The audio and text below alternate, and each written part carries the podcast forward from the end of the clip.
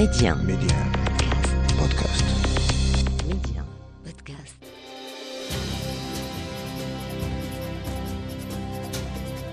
بعد اللقاء الذي جمع العاهل الراحل حسن الثاني بالرئيس الجزائري الراحل شادي بن جديد بحضور العاهل السعودي الراحل الملك فهد بن عبد العزيز لقاء الخيمة التاريخي في الرابع من ماي 1987 الذي خرج باتفاق يقضي بإعادة العلاقات الدبلوماسية وعودة سفارتي البلدين وفتح الحدود. بعد هذا اللقاء تم في السادس عشر من ماي 1988 الإعلان رسميا عن تطبيع العلاقات وفتح الحدود بين البلدين بعد نحو عام من لقاء الخيمة. وهي الخطوة التي مهدت الطريق لتأسيس اتحاد المغرب العربي الحلم الذي يراود جميع شعوب المنطقة. فقد ظهرت فكرة اتحاد المغرب العربي قبل الاستقلال وتبلورت في أول مؤتمر لأحزاب المغرب العرب الذي عقد في طنجة في الثلاثين من أبريل 1958 وضم ممثلين عن حزب الاستقلال الحزب الحر الدستوري التونسي وجبهة التحرير الوطني الجزائرية. وشاركت ميديا في ندوة نظمت بطنجة إحياء الذكرى الثلاثين لاجتماع طنجة في الثلاثين من أبريل 1988 أي قبل قيام الاتحاد المغاربي في قمة مراكش بعد ذلك بسنة. وبعد الاستقلال كانت هناك محاولات محتشمة لبلورة فكرة تعاون وتكامل بين دول المغرب العربي خصوصا المغرب والجزائر وتونس مثل إنشاء اللجنة الاستشارية للمغرب العربي عام 1964 لتنشيط الروابط الاقتصادية بين دول المغرب العربي. ومصطلح الاتحاد المغاربي وكلمة مغاربي لم تكن موجودة وظهرت في التسعينات وسأعود إليها وإلى من كان وراء ظهورها والجدل الذي أثرته حينها في حلقة قادمة. بعد الإعلان في ماي 1988 عن تطبيع العلاقات بين المغرب والجزائر تسارعت خطوات التهيئ لتحقيق الحلم وقيام اتحاد المغرب العربي الاتحاد المغاربي. وبعد أقل من شهر في العاشر من يونيو اجتمع قادة المغرب العربي في مدينة زيرالدا بالجزائر في قمة صدر عنها بيان زيرالدا الذي أكد رغبة القادة في إقامة الاتحاد المغربي وتشكيل لجنة تضبط وسائل تحقيق وحدة بلدان المنطقة.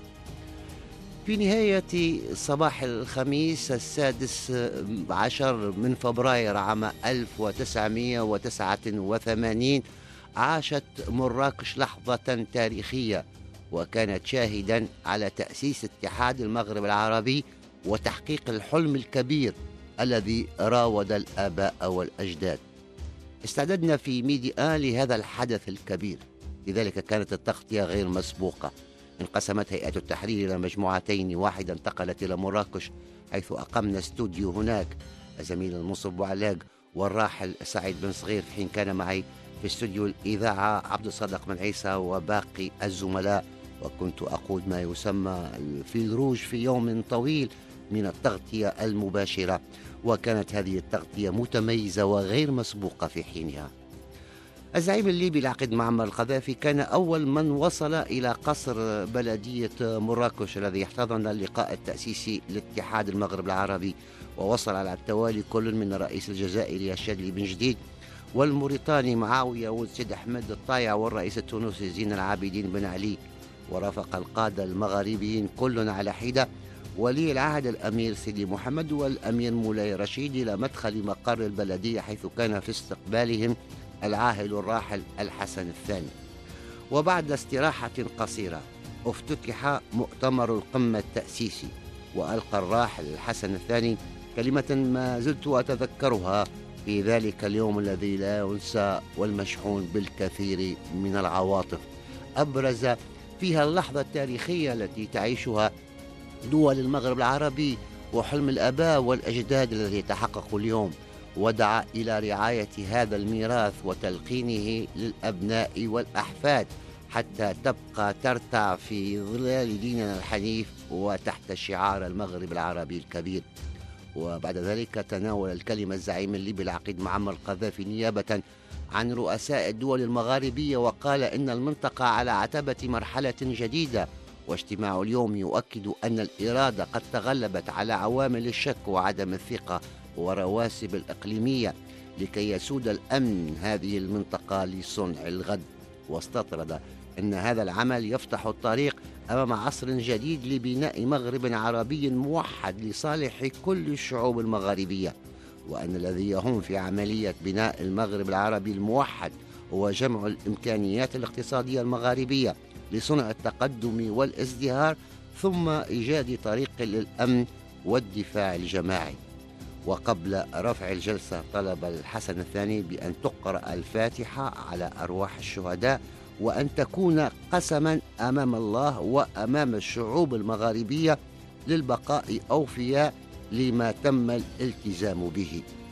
وكان قادة الدول المغاربية الخمس عقدوا مساء الأربعاء الخامس عشر من فبراير اجتماعا دام من الساعة العاشرة مساء إلى الواحدة والنصف صباحا عقب مأدوبة العشاء. التي تميزت بتطابق وجهات النظر حول القضايا المطروحة والمتعلقة بالتعاون بين الدول المغاربية الخمس في إطار البحث عن الصيغة المتعلقة ببناء صرح المغرب العربي الكبير الذي أعلن عنه في ختام القمة. ونظم المجلس البلدي لمراكش عقب انعقاد المؤتمر التأسيسي حفلا كبيرا على شرف قادة الجزائر وتونس وموريتانيا وليبيا لمنحهم صفة مواطن شرفي. وتوج المؤتمر التأسيسي بالتوقيع على وثيقة التأسيس قبل أن يؤدي الرؤساء صلاة الجمعة بمسجد الكتبية العتيق. فقد اختتمت أشغال المؤتمر التأسيسي زوال يوم الجمعة السابع عشر من فبراير وعلى الساعة الواحدة والنصف تم الإعلان عن ميلاد اتحاد المغرب العربي من خلال تلاوة العقد التأسيسي من قبل المستشار الملكي أحمد بن سودة وللحديث بقية في اللقاء القادم.